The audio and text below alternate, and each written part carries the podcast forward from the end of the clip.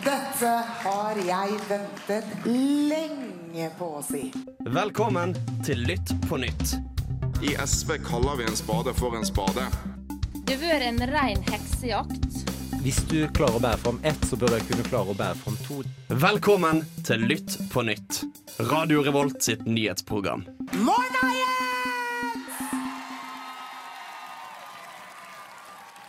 Hei og velkommen til Lytt på nytt sin spesialepisode om Iran og USA. I dag så skal vi diskutere litt den historiske bakgrunnen for denne konflikten. Um, og det skal vi da begynne med.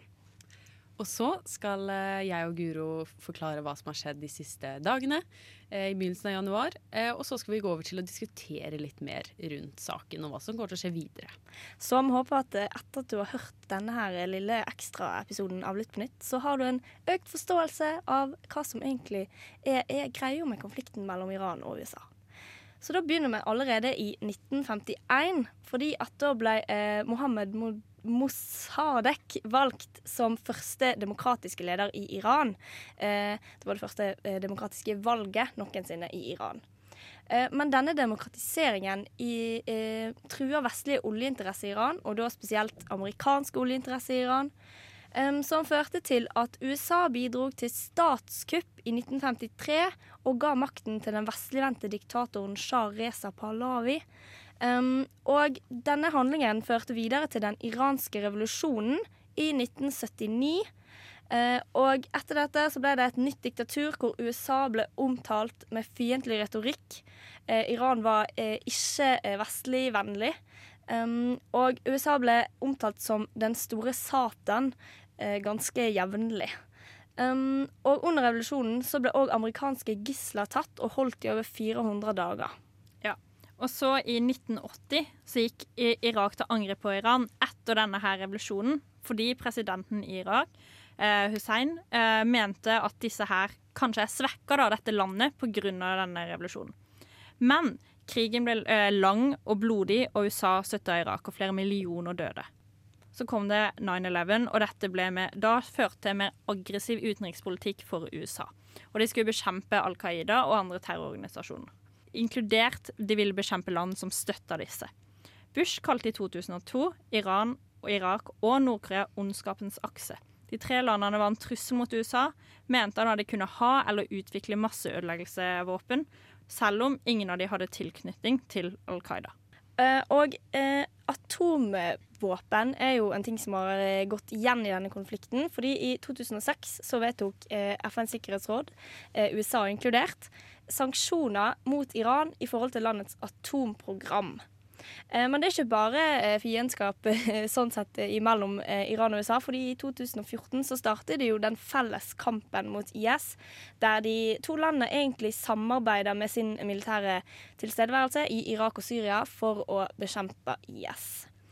Eh, videre så eh, inngikk vetolandene i FNs sikkerhetsråd i 2015. Eh, I tillegg til landene i FNs sikkerhetsråd så var Tyskland og USA med på denne atomavtalen som de inngikk med Iran. Og den oppheva sanksjoner som de innførte i 2006 i bytte mot å begrense omfanget av Irans atomprogram, og at eh, landene i FNs sikkerhetsråd fikk innsyn i denne em, i, i Irans atomvåpenprogram. Ja, Men så skjedde det jo en utvikling da, som prega verden, og i hvert fall denne avtalen. For i 2006 så vant Donald Trump valget, og han ville reversere ulike tiltak som den tidligere administrasjonen hadde vedtatt. Og han var bl.a. veldig kritisk til atomavtalen med Iran. Så videre, to år fram i tid, i 2018, så brøyt de denne avtalen, altså USA, med Iran. Så de innførte sanksjoner mot landet, selv om FN sa at Iran hadde overholdt avtalen.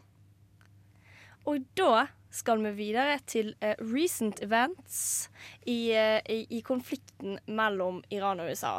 For nå nylig har det jo skjedd ganske masse. Kan ikke du ta oss gjennom det, Una? Ja, fordi 2020 begynte med et brak. Da 3. januar så ble eh, toppgeneralen Qasem Soleimani drept av eh, amerikanske styrker, eller en amerikansk rakett. Eh, og Qasem Soleimani han eh, startet sin karriere i Iran-Irak-krigen, som eh, Erik har fortalt litt om. Eh, og dette eh, gjorde at han i senere tid har kommet inn i en posisjon der han har hatt eh, stor innflytelse på den økte innflytelsen Iran har i dag. Så han har vært viktig for landet Iran. Så det at han ble drept, det var lite populært i Iran, blant befolkningen der. Eh, men ganske populært blant en del eh, utenfor Iran, fordi han eh, nettopp har økt Irans posisjon, som har påvirket landene rundt, og, og USA. Ja, dette her var et angrep som Donald Trump beordret fra Pentagon, som de da utførte. Og Mike Pompeo, USAs utenriksminister, begrunner dette her drapet med at Qasem Soleimani planla um, et umiddelbart angrep som ville ha truet hundre, hundrevis av amerikanske soldater og amerikanere i Midtøsten. Uh, dette her har jo vist seg å være litt uh, feil. Eller eh, at det, det, det er iallfall ikke helt tydelig at dette har vært et, en umiddelbar fare for uh, USA, men at Donald Trump har mer ønsket det, på en måte, for det har kommet litt mer tvetydige fakta i seinere tid. Eh, den 4. Eh, januar, dagen etter eh, dette angrepet skjedde, så samlet tusenvis av seg i Iran for å på en måte en, slags, en måte en begravelse for Soleimani. Og i Bagdad så samlet tusenvis av seg for å hedre general Soleimani og for å demonstrere mot USA. Under begravelsen på lørdag bar demonstranter bl.a. flagg tilhørende iranstøttende militser og ropte 'død over Amerika'. Så de var helt klart veldig misfornøyd med dette angrepet og uttrykte stor protest mot USA igjen. Ja. Og det går noen dager, og eh, situasjonen er veldig anspent. Trump trua bl.a. med å angripe 52 eh, mål i Iran, eh, som da blir sett på kulturelle mål i Iran. da. Eh, noe som man senere har fått kritikk for, for dette skal man ikke gjøre i krigstilstand. Og eh, Iran eh, truer med 'vi skal ta hevn'. Dette her skal ikke gå for seg uten at vi tar hevn på USA og denne handlingen de har gjort mot en veldig viktig general i Iran.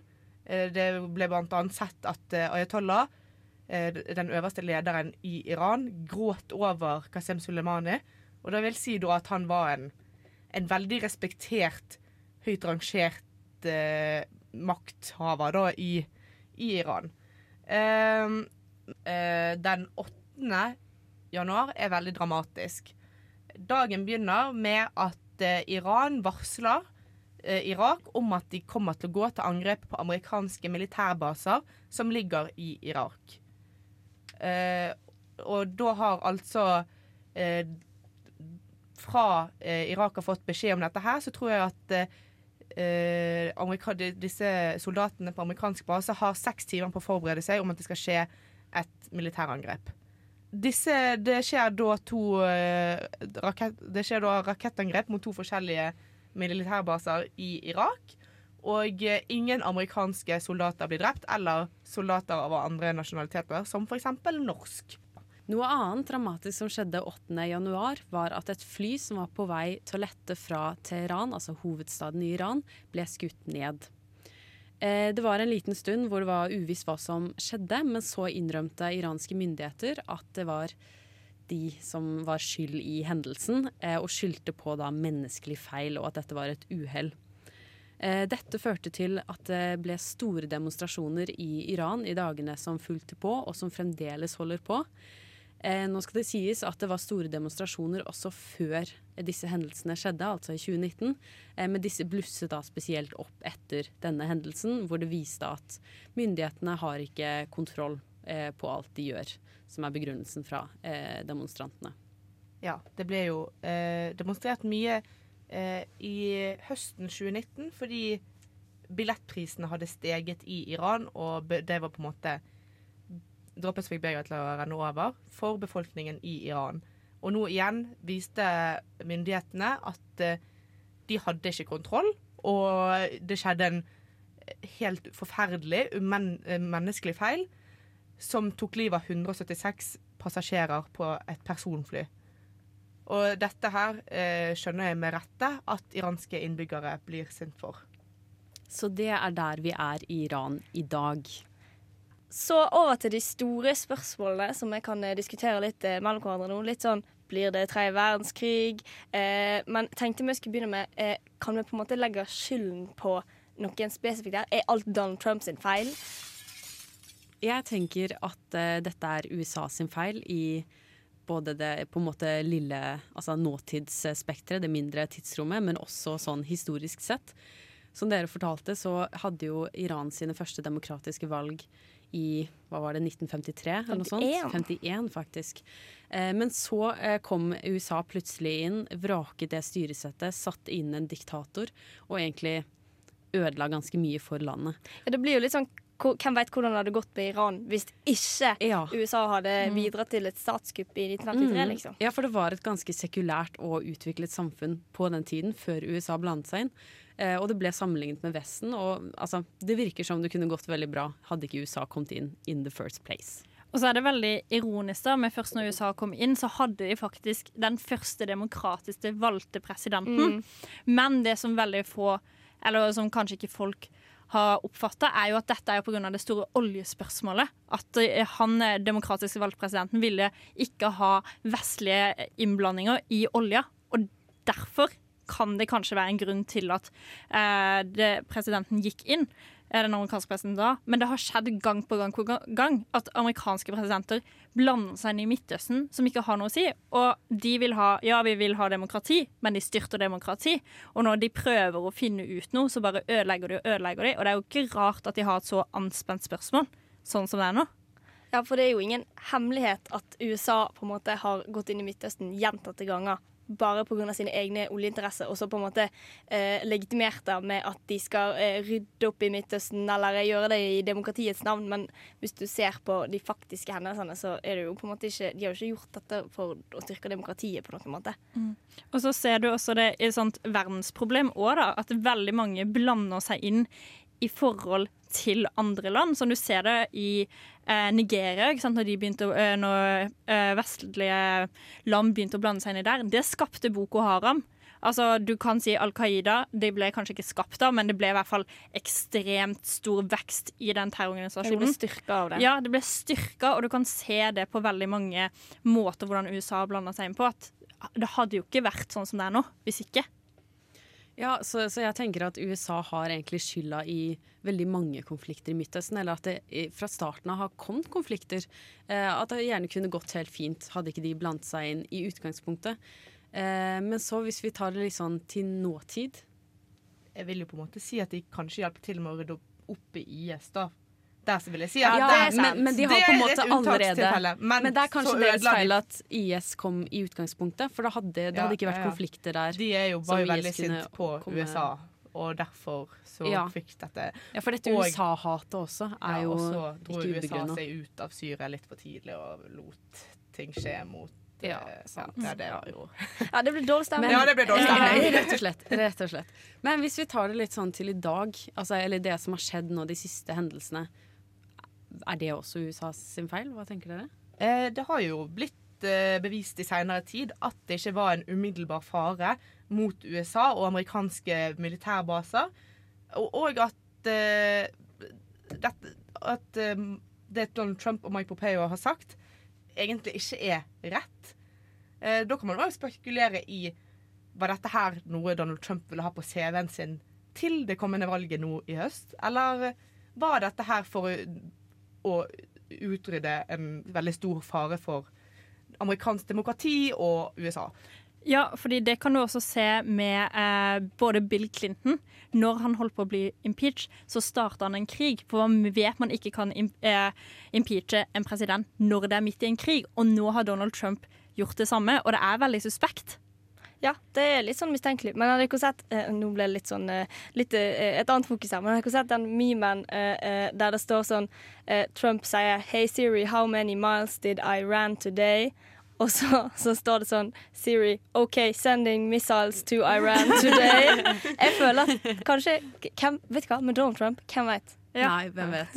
Men samtidig, altså jeg tenker Jeg tror mange i USA kan være enig i at den generalen var en trussel for USA. Han kunne funnet på mye eh, ja, Truet USA på mange Men måter. tenk da, det er 2019. Du kan Ja. løse dette på en diplomatisk ja, måte, jeg. 2020. gjør ikke sånt Oi, i er verdens utenrikspolitikk. Det er uh, veldig uetisk. Og hadde denne generalen faktisk gjort noe ennå? Han hadde jo ikke gått til angrep på USA ennå. Han har kanskje vært med å planlegge ting som har skjedd tidligere.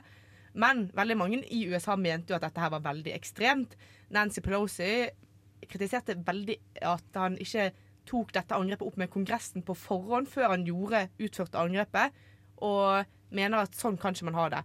At man ikke kan gå til krig uten å Ja, Det er veldig spesielt å gjøre det i et demokratisk samfunn. At Mm. Lederen bare bestemmer at nei, noen som er I hvert drepe en leder er av et annet land. Jeg Ja, tror men i det ikke er noe fredstid, ja. Ja, sant? Hadde det vært krig, hadde det vært noe annet. Da må man jo på en måte handle fort. Ja, for det er jo og, og informere. Eh, altså ikke informerte i det hele tatt. Ikke sånn at de skulle komme fram til dette rett eller galt, men ikke informerte Kongressen i det hele tatt, eller Senatet. Mm. Veldig spesielt. For de er jo med på å styre landet, de òg.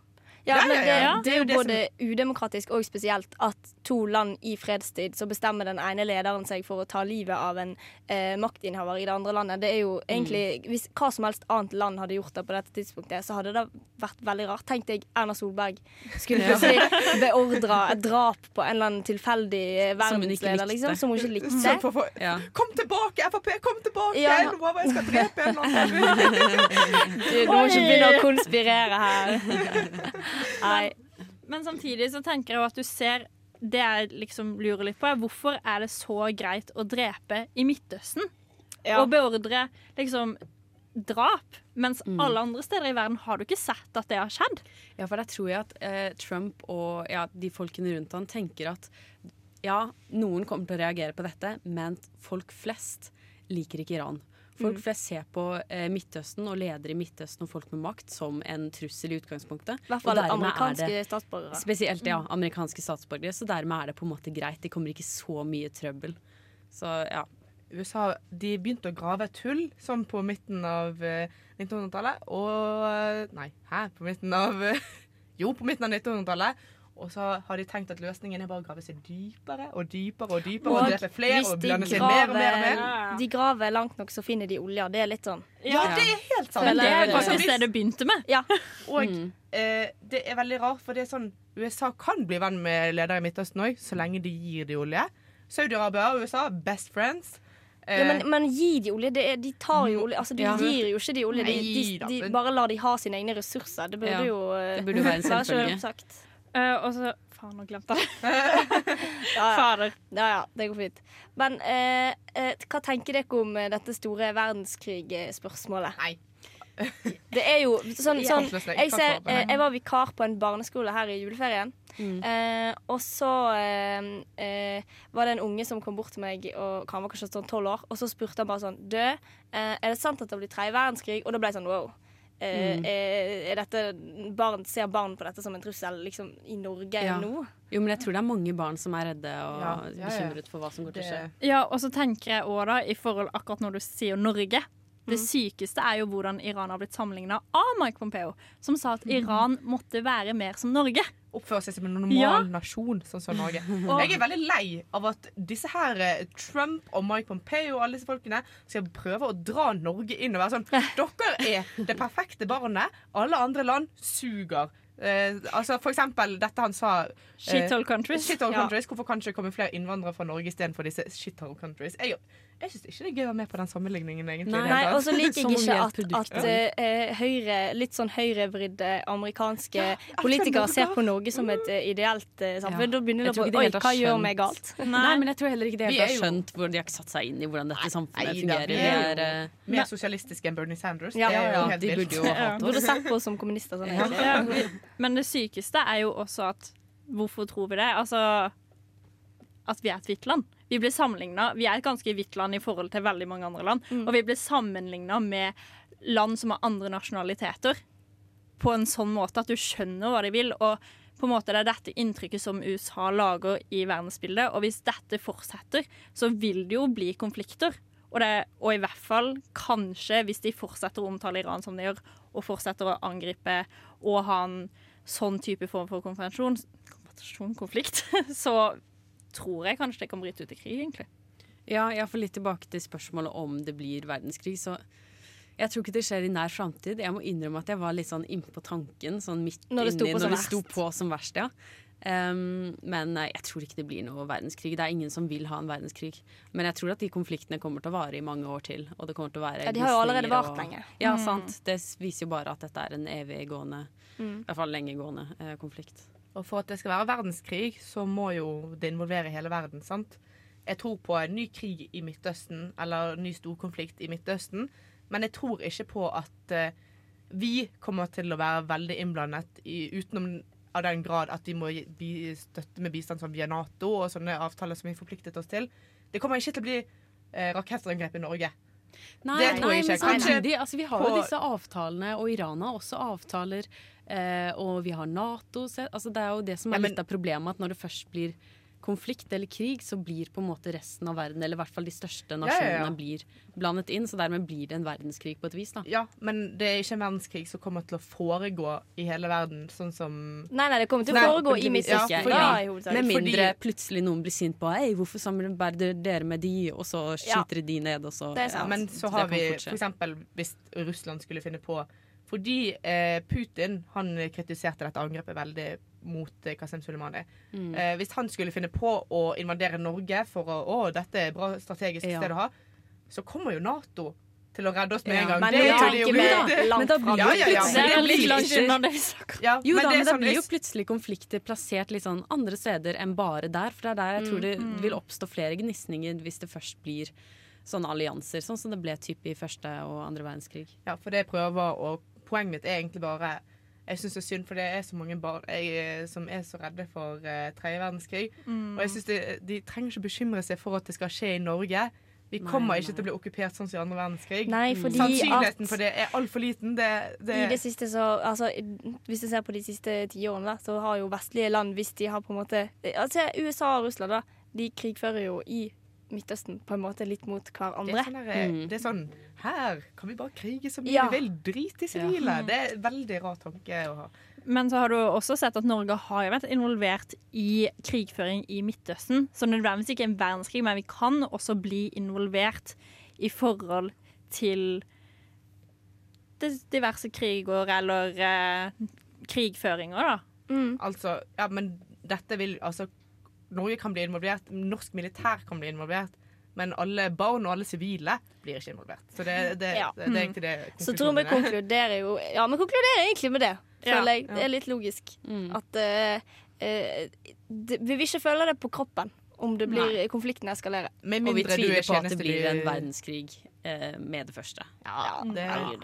Føler, håper verden har kommet lenger enn som så. Eh, det er ikke som tør å gå til verdenskrig når vi har atomvåpen. Det hadde vi ikke under andre verdenskrig. Nei. Wow, det er faktisk sant. Ja. Mm.